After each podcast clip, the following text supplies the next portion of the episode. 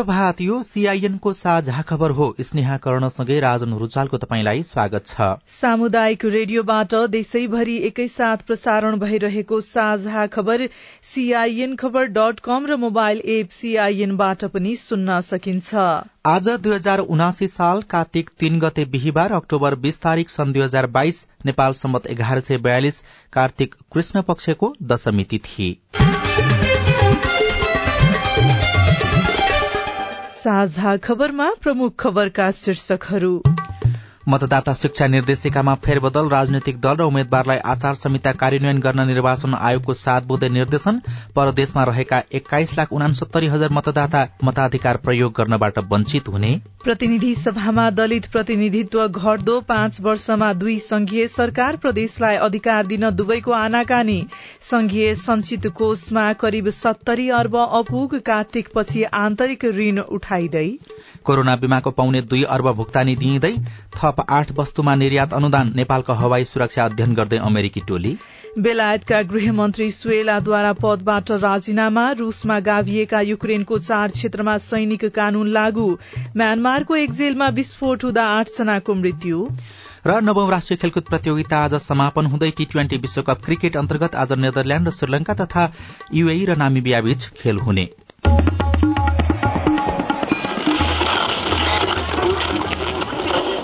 सयौं radio हजारौं radio कर्मी र करोड़ौं नेपालीको माझमा यो हो सामुदायिक सूचना नेटवर्क सीआईएन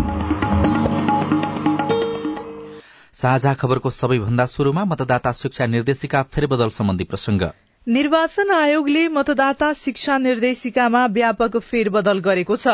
वैशाख तीसमा सम्पन्न स्थानीय निर्वाचनमा निर्वाचन शिक्षा प्रभावकारी नहुँदा बदर मतको संख्या अनपेक्षित रूपमा बढ़ेपछि आयोगले परम्परागत शिक्षामा सुधार गर्न लागेको हो। तर कार्यक्रम भने पुरानै ढाँचामा तयार गरिएको छ। स्थानीय निर्वाचनमा दुई दशमलव चार प्रतिशत पूर्ण बदर र करिब तेह्र प्रतिशत मत आंशिक बदर भएको थियो। आयोगले निर्वाचन निर्वाचन शिक्षा कार्यान्वयन इकाई घर दैलो कार्यक्रम तथा परम्परागत प्रचार प्रसारमा परिवर्तन गर्न लागेको हो। आयोगले तयार गरेको निर्देशिका बमोजिम निर्वाचन शिक्षा कार्यक्रम सञ्चालनका लागि छवटा समिति हुनेछन्। स्थानीय निर्वाचनमा भने तीन तहको समिति मात्रै रहेको थियो। आयोगका सहायक प्रवक्ता सूर्य प्रसाद अरियालले शिक्षालाई व्यवहारिक र परिणाममुखी बनाउन यस प्रकारको व्यवस्था गर्न लागि बताउनुभयो। मतपत्रको ढाँचाले बदर मत घटबढ़ हुनाले आयोगले आगामी निर्वाचनमा चार प्रकारको मतपत्र डिजाइन गरेको छ। एकजना मतदाताले चारजना प्रतिनिधि चयन गर्दा चारवटा पानामा स्वस्तिक चिन्ह लगाउनेछन्। स्थानीय निर्वाचनमा भने एउटै पानामा सात पदका लागि छ प्रकारको मतपत्र राखिएको थियो। एउटै पानामा सत्तरी भन्दा बढ़ी निर्वाचन चिन्ह पनि रहेको थियो। सहायक प्रवक्ता अरियालले आगामी निर्वाचनमा मतपत्रको डिजाइनले बदर मत घटाउने विश्वास व्यक्त गर्नुभयो। प्रतिनिधि सभा अन्तर्गत प्रत्यक्षतर्फ एउटा पानामा बढ़ीमा एकतीस र घटीमा मात्र दुईवटा निर्वाचन चिन्ह रहनेछन्। समानुपातिकतर्फ भने बढ़ीमा पचपन्न र घटीमा सत्ताइसवटा निर्वाचन चिन्ह सहितको मतपत्र रहनेछ। निर्वाचन आयोगले राजनैतिक दल तथा उम्मेद्वारहरूलाई आचार संहिता कार्यान्वयन गर्न सात निर्देशन पनि दिएको छ। आयोगले संघ तथा प्रदेश सरकारका मन्त्री ले आफू उम्मेद्वार भएको क्षेत्रमा प्रचार प्रसार गर्न बाहेक आयोगको अनुमति नलिई अन्यत्र कुनै पनि दल वा उम्मेद्वारको प्रचार प्रसार नगर्न निर्देशन दिएको हो। यस्तै प्रधानमन्त्री तथा मन्त्रीहरूले प्रचार प्रसार गर्दा सरकारी स्रोत साधनको प्रयोग गर्न नपाइने व्यवस्था रहेको भन्दै आयोगले आफू उम्मेद्वार भएको निर्वाचन क्षेत्रसम्म निर्वाचन आचार संहिताको प्रतिकूल नहुने गरी प्रचार प्रसार गर्न आग्रह गरेको छ। साथै प्रचार गर्दा सरकारी साधन स्रोत तथा जनशक्तिको उपयोग नगर्न र निर्वाचन प्रचार प्रसारको लागि आफ्नो निर्वाचन क्षेत्रतर्फ जाँदा समेत सरकारी साधन स्रोतको उपयोग नगर्न पनि आयोगले निर्देशन दिएको छ। सीआईएनसँग कुराकानी गर्दै आयोगका सहायक प्रवक्ता ऋषिराम भूषालले आचार संहिता पालनामा गम्भीर बन्न उम्मेद्वारहरूलाई आग्रह गर्नुभयो। कार्यान्वयनको चरणमा छिटपुट रूपमा कतै चाहिँ आचार उल्लङ्घन घटनाहरू पनि कतै कतै सुन्नमा आएका र अब आयोगबाट जारी गरिएको आचार संहितालाई पूर्ण रूपमा सबै राजनैतिक दल उम्मेद्वारहरूले पूर्ण रूपमा पालना गरून् भन्ने हिसाबले आयोगले चाहिँ थप निर्देशन जारी गरेको हो। यो चाहिँ आचार संहिता कार्यान्वयन भयो सरहरूले आचार संहिताको पूर्ण रूपमा पालना गर्नुभयो भने निर्वाचन स्वच्छ स्वतन्त्र मर्यादित ढङ्गबाट चाहिँ सम्पन्न गर्न सकिन्छ भन्ने हिसाबले थप निर्देशन जारी भएको हो। आचार संहितामा भएका विषयहरू मध्ये पच्चिसजना भन्दा बढी व्यक्तिहरू लगेर चाहिँ घर दैलोमा जान नहुने कार्यान्वयन गर्नको लागि आयोगले चाहिँ सात दिने निर्देशन जारी गरेको हो। मतदान हुने दिनभन्दा सत्र दिन अघिदेखि मात्र जुलुस आमसभा सभा गर्न वा संचार माध्यममा कुनै प्रकारको प्रचार प्रसार सामग्री प्रकाशन वा प्रसारण गर्न पाइने व्यवस्था रहेको स्मरण गराउँदै आयोगले कार्तिक सत्र अघि प्रचार नगर्न अनुरोध समेत गरेको छ। राजनीतिक दल तथा उम्मेद्वारले आयोगले तोके बमोजिम अनुमति लिएर मात्र निर्वाचन प्रसारका लागि सवारी साधन प्रयोग गर्ने अनुमति लिएका सवारी साधन बाहेक अन्य सवारी साधनमा दलको वा निर्वाचन चिन्ह अंकित झण्डा प्रयोग नगर्न पनि आयोगले निर्देशन दिएको छ। यस्तै आयोगले निर्वाचन आचार संहिता उल्लंघन गर्ने पैंतिसजना उम्मेद्वारहरूलाई कार्यवाही गर्ने तयारी शुरू गरेको छ। आगामी मंगिर चार गते हुने प्रतिनिधि सभा र प्रदेश सभा निर्वाचनका लागि उम्मेद्वारी दिएका पैंतिसजना उम्मेद्वारहरूले निर्वाचन आचार संहिता उल्लंघन गरेको पाइएकाले कार्यवाहीको प्रक्रिया अघि बढ़ाउन लागेको हो।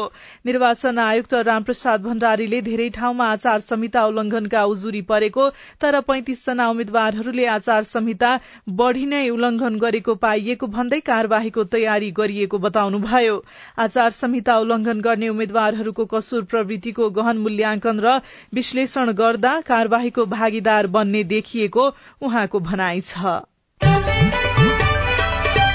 आगामी संसदीय निर्वाचनका लागि एक करोड़ उनासी लाख सतासी हजार मतदाता सूचीकृत भएका छन् तर जनगणना दुई हजार अठहत्तरको प्रारम्भिक नतिजा अनुसार मतदान गर्न योग्य एक्काइस लाख उनासत्तरी हजार नागरिक मुलुक बाहिर रहेका छन्। उनीहरूले विदेशमा मूलत रोजगारी गरेर देशको अर्थतन्त्रको प्राण धानेका छन्। तर अबको आर्थिक नीति तथा कार्यक्रम कस्ता व्यक्तिको जिम्मा लगाउने भन्नेमा उनीहरूको प्रत्यक्ष सहभागिता नहुने भएको छ। जबकि देशले रेमिट्यान्स मात्र होइन दलले लेबी र नेताले चन्दाको रूपमा परदेशी युवाहरूको दोहन गर्दै आएका छन्। दलहरूले पटक पटक सत्तामा पुग्दा आशलाग्दो काम गर्न नसकेको र मुलुकको अवस्था झनझन बिग्रदै गएकोमा वैदेशिक रोजगारीमा रहेका ती युवा निराश मात्रै छैनन् मताधिकार समेत प्रयोग गर्न नपाएकोमा असन्तुष्ट पनि छन्। दल र उम्मेद्वारप्रतिको मनस्थिति परिवारका बालिग सदस्यको मत मार्फत प्रकट गर्न भने उनीहरू प्रयासरत रहेका छन्। दुई हजार चौहत्तरमा दल र संघ निर्वाचन लगत्तै सर्वोच्च अदालतले विदेशमा रहेका नेपालीको मताधिकार सुनिश्चित गर्न निर्देशनात्मक आदेश जारी गरेको थियो।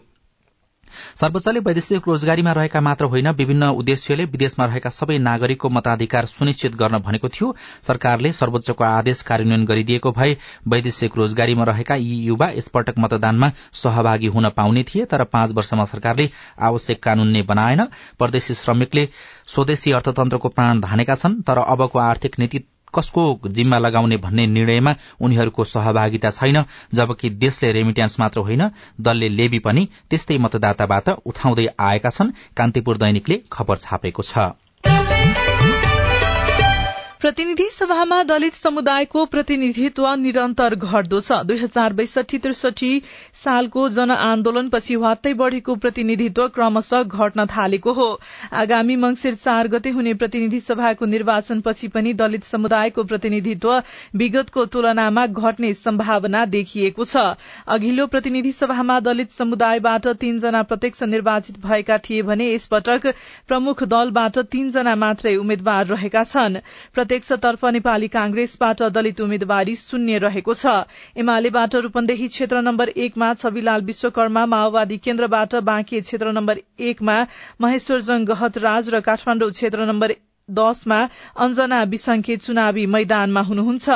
संविधान सभा दुई हजार चौसठीमा छ सय एक जनामा एकाउन्न जना अर्थात आठ दशमलव चार आठ प्रतिशत दलितको प्रतिनिधित्व रहेको थियो।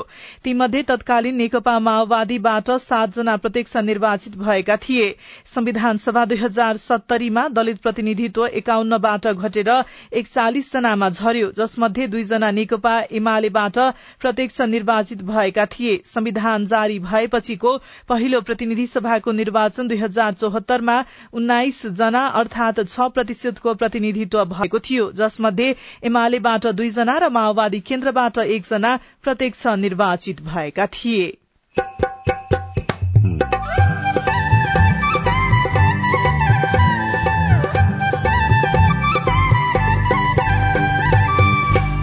सामुदायिक सूचना नेटवर्क सीआईएन मार्फत देशभरि प्रसारण भइरहेको साझा खबरमा राजस्व संकलन घट्नुको कारण र अर्थतन्त्रमा पर्न सक्ने असर। यो आयात नियन्त्रण गरिएको कारणले पनि अलिकति राजस्वमा प्रभाव परे जस्तो देखिन्छ। आठ नौ पर्सेन्टले राजस्व घट्यो वर्षभरि घट्यो भने पनि चिन्ता मान्नुपर्ने पर्ने अवस्था छैन संघीय संचित कोषमा करिब सत्तरी अर्ब अपुग कार्तिकपछि आन्तरिक ऋण उठाइँदै कोरोना बीमाको पाउने दुई अर्ब भुक्तानी दिइने लगायतका खबर बाँकी नै छन्। सीआईएनको साझा खबर सुन्दै गर्नुहोला।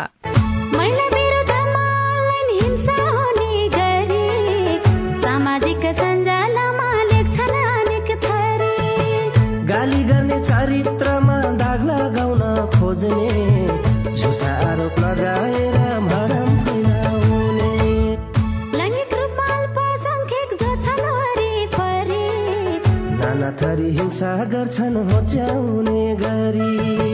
नजिस्काउनु शरीर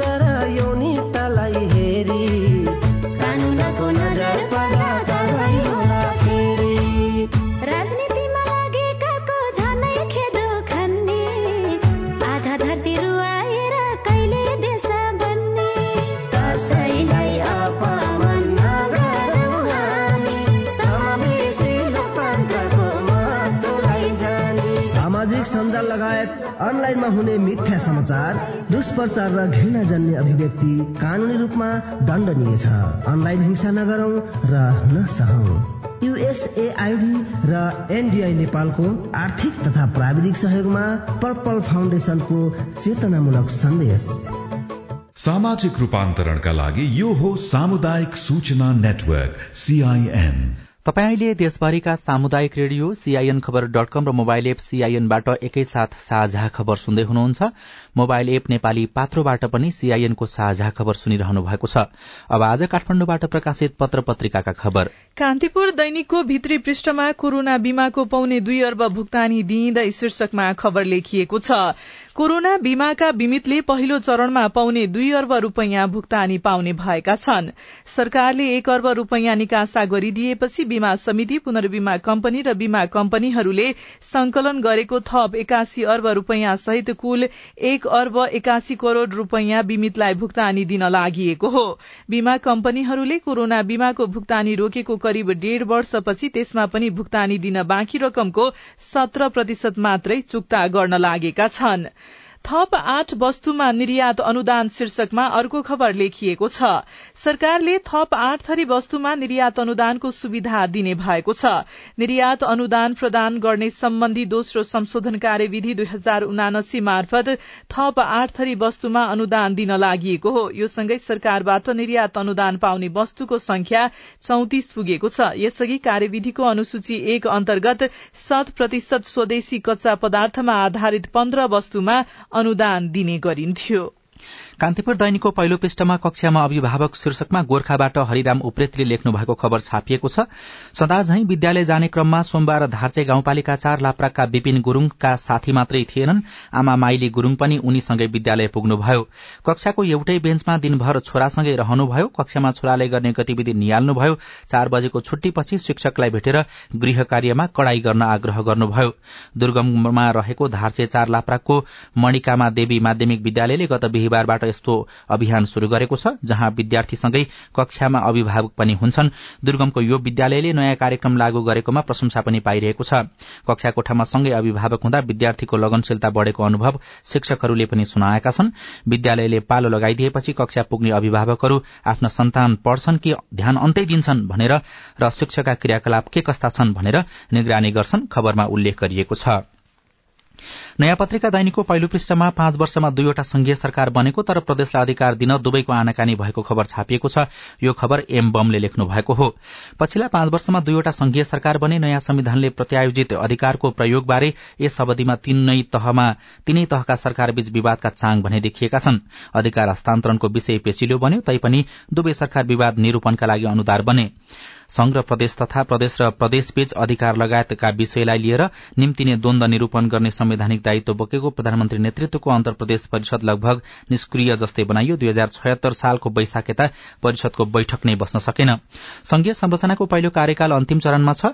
चार मंगिरमा आम निर्वाचन हुँदैछ तर प्रधानमन्त्रीको अध्यक्षतामा रहने अर्को स्वतन्त्र राष्ट्रिय समन्वय परिषद यस अवधिमा गठन समेत हुन नसकेको खबरमा उल्लेख गरिएको छ। नयाँ पत्रिकाकै भित्री पृष्ठमा संघीय संचित कोषमा करिब सत्तरी अर्ब अपुग कार्तिकपछि आन्तरिक ऋण उठाइँदै शीर्षकमा खबर लेखिएको छ। वित्तीय प्रणालीमा लगानी योग्य तरलताको चाप भइरहेको समयमा सरकारले आन्तरिक ऋण उठाउने भएको छ। राजस्व र विदेशी ऋणले सरकारी खर्च धान्नै नसक्ने भएपछि सरकारले आन्तरिक ऋण उठाउन थालेको हो। महालेखा नियन्त्रकको कार्यालय अनुसार अहिले संघीय संचित कोषमा करिब सत्तरी अर्ब अपुग रहेको छ। चालू आर्थिक वर्षको कार्तिकपछि सरकारले दुई खर्ब छप्पन्न अर्ब आन्तरिक ऋण उठाउने लक्ष्य राखेको छ। केन्द्रीय ब्याङ्कले आन्तरिक ऋण उठाउने तालिका सिफारिश गरिसकेको अर्थ मन्त्रालयका सहसचिव बाबुराम सुवेदीले जानकारी दिनुभयो। साझा खबरमा अब हेलो सीआईएन उषा तामाङबाट। धनुषा जिल्ला कमला नगरपालिका भित्र पर्ने प्रगतिशील माध्यमिक विद्यालयबाट माध्यमिक शिक्षक रविन्द्र कुमार शाह कमला नगरपालिका भित्र पर्ने शिक्षक कर्मचारीहरूलाई अहिलेसम्म नगरपालिकाले दसैँ भत्ता पनि अहिलेसम्म खुवाएको छैन। असारदेखि असोजसम्म पाँच वर्षमा कहिले पनि समयमा तलब खुवाएको छैन र नयाँ मेयर आए पनि उहाँले पनि अहिलेसम्म त खुवाएकै छैन। त्यसैले गर्दा हामीहरू बाध्य भएर आन्दोलनतर्फ जानुपर्छ कि? यस विषयमा हामीले कमला नगरपालिकाका प्रमुख प्रशासकीय अधिकृत सुबोध कुमार ठाकुरलाई सोधेका छौं। बजेट पूर्ण रूपले पास नभएको कारणले गर्दाखेरि कार्यालय प्रमुखलाई चाहिँ अख्तियारी आउनु पर्ने हुन्छ। अख्तियारी पनि आएको छैन अनि हाम्रो नगरपालिकाको खाता पनि नवीकरण भएको छैन सञ्चालन भएको छैन यावत समस्याहरू भएको कारणले गर्दा हामी कुनै पनि आर्थिक कारोबार गर्न सकेका छैनौँ अहिलेसम्म। जनप्रतिनिधिहरूले कुन निर्णयले चाहिँ नीति कार्यक्रम र बजेट बन्ने हो। यो विषय चाहिँ फेरि उहाँहरूको सहमतिको विषय हो। पालिकाले किन बजेटको विषयमा देखिएको विवादमा सहमति गर्न सकिरहेको छैन? हामीले कमलामाई नगरपालिकाका नगर प्रमुख विश्वेश्वर यादवलाई सोधेका छौं। पहिला त मुद्दा दियो मुद्दा अहिले पनि चलिरहेछ त्यस कारणले ढिलो भइगयो। मुद्दा पनि फैसला भएको छैन। अहिले तारिक चलिरहेछ बजेट पनि त सभा पनि गरिदिएको अब इन्ट्री गर्नमा त अलिक टाइम लाग्छ त्यसैमा लागेको छ कि। कोसिसमा हामी छौँ कि त्याग र छठ बिचमा खुवाइदिने तलब प्रयासमा हामी लागेको छौँ। केही कुराकानी हामी गर्दैछौँ। अर्को प्रश्न पनि स्थानीय सरकारले तलब नदिएको विषयसँग नै सम्बन्धित छ। म दिलीप कुमार राउत फतुवा विजयपुर नगरपालिकाबाट। रौतहटको फतुवा विजयपुर नगरपालिकाले दसैँ जस्तो महान चाड पर्वमा तलब दिएन। अब आउने दीपावली र छठमा पनि नदिने भन्ने कुरा सुनिरहेको छु। किन तलब दिइरहेको छैन? कहिलेसम्म कर्मचारीले तलब पाउँछ? यस विषयमा हामीले पालिकाका प्रमुख प्रशासकीय अधिकृत शम्भु कुमार यादवसँग बुझेका थियौं। हाम्रो जुन मेयर थियो नि गोपाल राई यादव उहाँ चाहिँ निलम्बनमा पर्नु भएछ त्यसपछि हाम्रो कार्यवाहक मेयर अहिले अम्बिया खातुन छ अब उहाँको दुवैजनाको आपसी विवादको कारणले कति विवाद बढिएको छ कि। वाटाबाट जति पनि योजनाहरू छ सबै चाहिँ सूत्रमा इन्ट्री भइसकेका छ। हाम्रो के भन्छ गोपाल राईजीको पनि त्यो बजेट आइसकेको छ। अब हाम्रो अहिलेको जुन कार्यवाहक मेयर छ उहाँको मेन समस्या के छ पुरा मिलिरहेको छैन। त्यसै कारण ढिलो भइसकेको कार्यवाहक नगर प्रमुख अम्बिया खातुनसँग यस विषयमा बुझ्न खोज्दा उहाँसँग सम्पर्क हुन सकेन। तपाई जुनसुकै बेला हाम्रो टेलिफोन नम्बर शून्य एक बान्न साठी छ चार छमा फोन गरेर आफ्नो विचार गुनासो प्रश्न तथा प्रतिक्रिया रेकर्ड गर्न सक्नुहुन्छ। साझा खबरमा अब विदेशका खबर। बेलायतका गृहमन्त्री सुएला ब्रेम्बर म्यानले राजीनामा दिनुभएको छ। अघिल्लो महिना मात्रै गृहमन्त्री नियुक्त हुनुभएका सुएलाले हिजो प्रधानमन्त्री लिज ट्रसलाई राजीनामा पत्र बुझाउनु भएको हो। मुलुक अप्ठ्यारो परिस्थितिबाट गुज्रिरहेको र सरकार जुन दिशामा जाँदैछ त्यसप्रति आफू चिन्तित रहेको भन्दै उहाँले राजीनामा दिएको बताउनु भएको छ। यसअघि सोमबार मात्रै बेलायत सरकारका अर्थमन्त्री क्वाजी कार्टिङले पदबाट राजीनामा दिनुभएको थियो। रूसले आफूमा गाभेको युक्रेनका चार क्षेत्रमा मार्शल ल अर्थात सैनिक कानून लागू गरेको छ। रूसका राष्ट्रपति भ्लादिमिर पुटिनले खेडसन लुहान्स्क दोनेत्स र दक्षिण जापोरिजिया क्षेत्रमा सैनिक कानून लगाउने सम्बन्धी आदेशमा हस्ताक्षर गर्नु भएको हो। रूसले केही दिन अघि ती क्षेत्रका लागि जनमत संग्रह गराएको थियो। म्यानमार स्थित एक जेलमा विस्फोट हुँदा आठजनाको मृत्यु भएको छ। हिजो बिहान जेलको प्रवेशद्वारमा विस्फोट हुँदा इन्सेन जेलका तीनजना कर्मचारी र कैदीलाई भेट्न आएका पाँचजना आगन्तुकको मृत्यु भएको थियो र भारतीय कांग्रेसको अध्यक्ष पदमा मल्लिकार्जुन खड्के निर्वाचित हुनु भएको छ। उहाँ सात हजार आठ सय सन्तानब्बे मत ल्याएर विजयी हुनु भएको हो। अब खेल खबर कर्णाली प्रदेशमा आयोजना हुने दशौं राष्ट्रिय खेलकुद प्रतियोगिता दुई हजार एकासी सालको मंगिरमा महिनामा हुने भएको छ। पोखरामा हिजो बसेको राष्ट्रिय खेलकुद परिषद राखेपको बोर्ड बैठकले आगामी संस्करणको प्रतियोगितामा दुई हजार एकासी सालको मंगिरमा गर्ने निर्णय गरेको हो। नवौं राष्ट्रिय खेलकुद प्रतियोगिता गण्डकीमा जारी छ। पोखरा रंगशालामा आज नवौंको समापन समारोहमा राष्ट्रिय झण्डा कर्णालीलाई हस्तान्तरण गरिनेछ। शहीद स्मारक ए डिभिजन लीग फुटबल दुई उनासी सालको पुस छब्बीस गतेबाट हुने भएको छ। एन्फाको हिजो बसेको बैठकले ए डिभिजन लीगको विषयमा नयाँ निर्णय गरेको हो र टी ट्वेन्टी विश्वकप क्रिकेट अन्तर्गत आज नेदरल्याण्ड्स र श्रीलंका तथा युए र नामिबिया बीच प्रतिस्पर्धा हुँदैछ। नेदरल्याण्ड र श्रीलंका बीच हुने पहिलो खेल नेपाली समय अनुसार बिहान नौ पैंतालिस बजे शुरू हुनेछ भने युए र नामिबिया बीचको दोस्रो खेल भने दिउँसो एक पैंतालिस बजे शुरू हुनेछ। यसअघि हिजो भएको खेलमा आयरल्याण्ड र वेस्ट इण्डिज विजयी भएका थिए।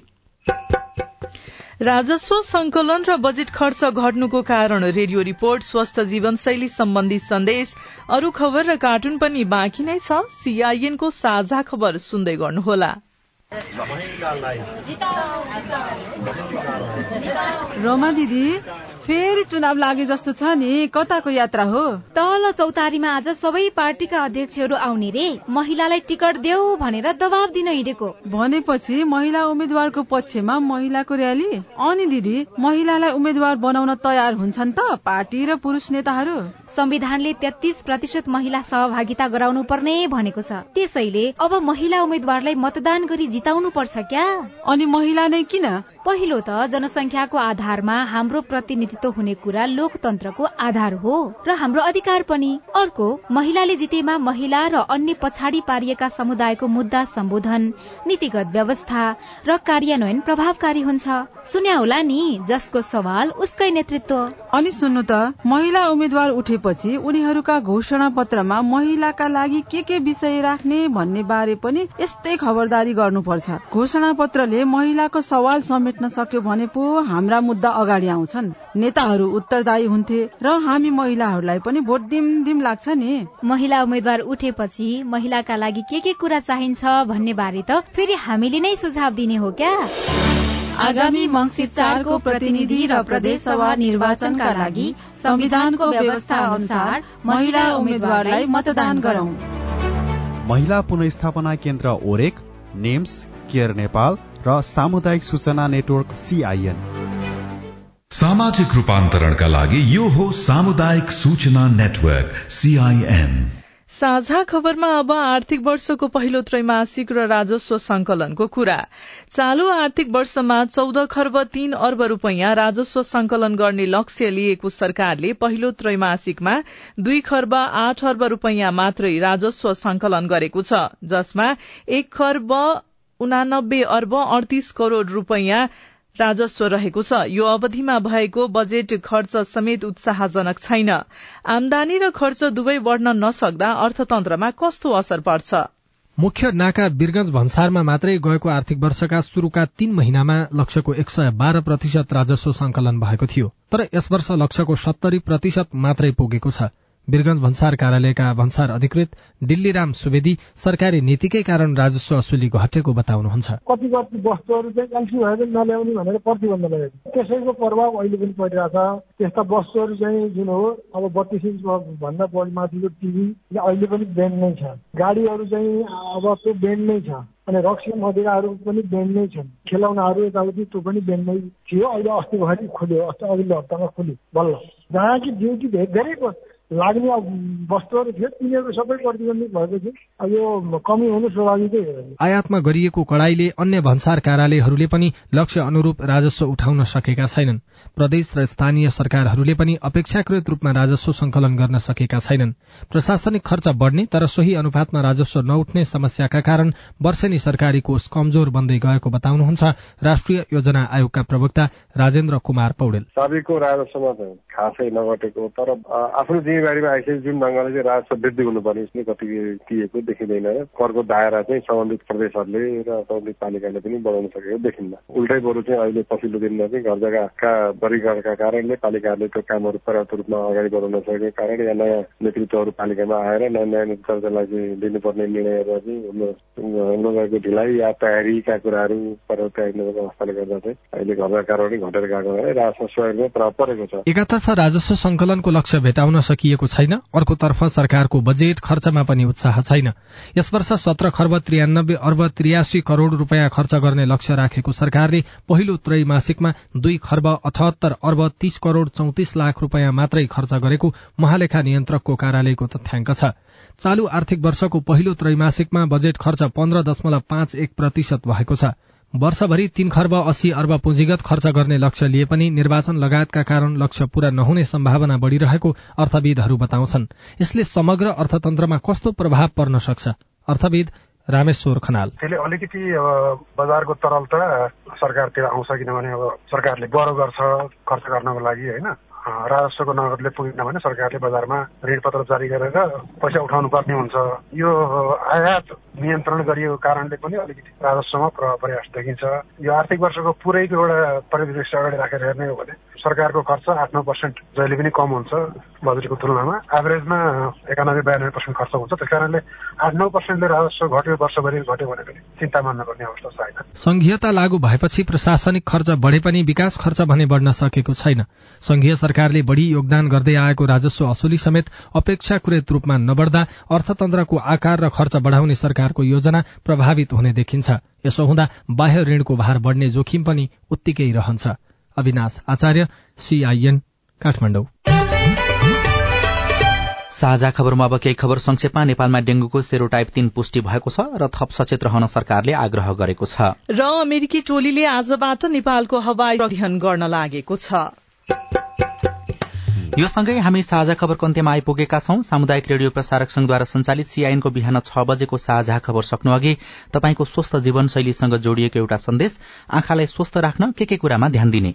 स्वास्थ्य सेवा नजिक छ भने वर्षमा एकचोटि आँखा आएर देखाउने। शरीरका धेरै रोगहरू आँखैबाट थाहा हुन्छ।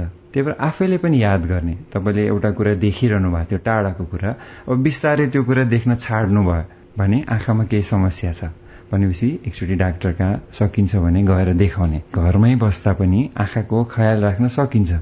कसरी? भन्दा खानेकुरा राम्रोसँग खानु पर्यो। हरियो सागपात जसमा भाइटामिन ए हुन्छ। पहेँलो फलफूलहरू मेवाहरू सुन्तलाहरूमा भिटामिन सी एहरू हुन्छ र अरू विभिन्न साग सब्जीहरूले पनि आँखालाई राम्रो राख्छ। गर्न नहुने कुरा आँखामा पानी छ्याप्ने। हातमा पानी लिएर आँखाभित्र हाल्यो भने आँखा स्वस्थ हुन्छ भन्ने यो एकदम गलत धारणा छ। यो गर्दाखेरि आँखामा भएको राम्रो आँसु चाहिँ बाहिर जान्छ र धाराको फोहोर पानी आँखामा जाने गर्छ। धाराको पानीमा त अनेक थरी भाइरस ब्याक्टेरियाहरू हुन्छ। धेरैजनालाई इन्फेक्सन हुने गर्छ। त्यही भएर आँखाभित्र केही पनि हाल्नु पर्दैन। डाक्टर सुशान्त रिगासँगको कुराकानीमा आधारित यो सन्देशसँगै साझा खबरमा मुख्य मुख्य खबर फेरि एकपटक। मतदाता शिक्षा निर्देशिकामा फेरबदल राजनैतिक दल र उम्मेद्वारलाई आचार संहिता कार्यान्वयन गर्न निर्वाचन आयोगको सात मुद्दे निर्देशन परदेशमा रहेका एक्काइस लाख उनासत्तरी हजार मतदाता मताधिकार प्रयोग गर्नबाट वञ्चित हुने। प्रतिनिधि सभामा दलित प्रतिनिधित्व घट्दो पाँच वर्षमा दुई संघीय सरकार प्रदेशलाई अधिकार दिन दुवैको आनाकानी। कोरोना बीमाको पाउने दुई अर्ब भुक्तानी दिँदै थप आठ वस्तुमा निर्यात अनुदान नेपालको हवाई सुरक्षा अध्ययन गर्दै अमेरिकी टोली। बेलायतका गृहमन्त्री सुएलाद्वारा पदबाट राजीनामा रूसमा गाभिएका युक्रेनको चार क्षेत्रमा सैनिक कानून लागू। र नवौं राष्ट्रिय खेलकुद प्रतियोगिता आज समापन हुँदै।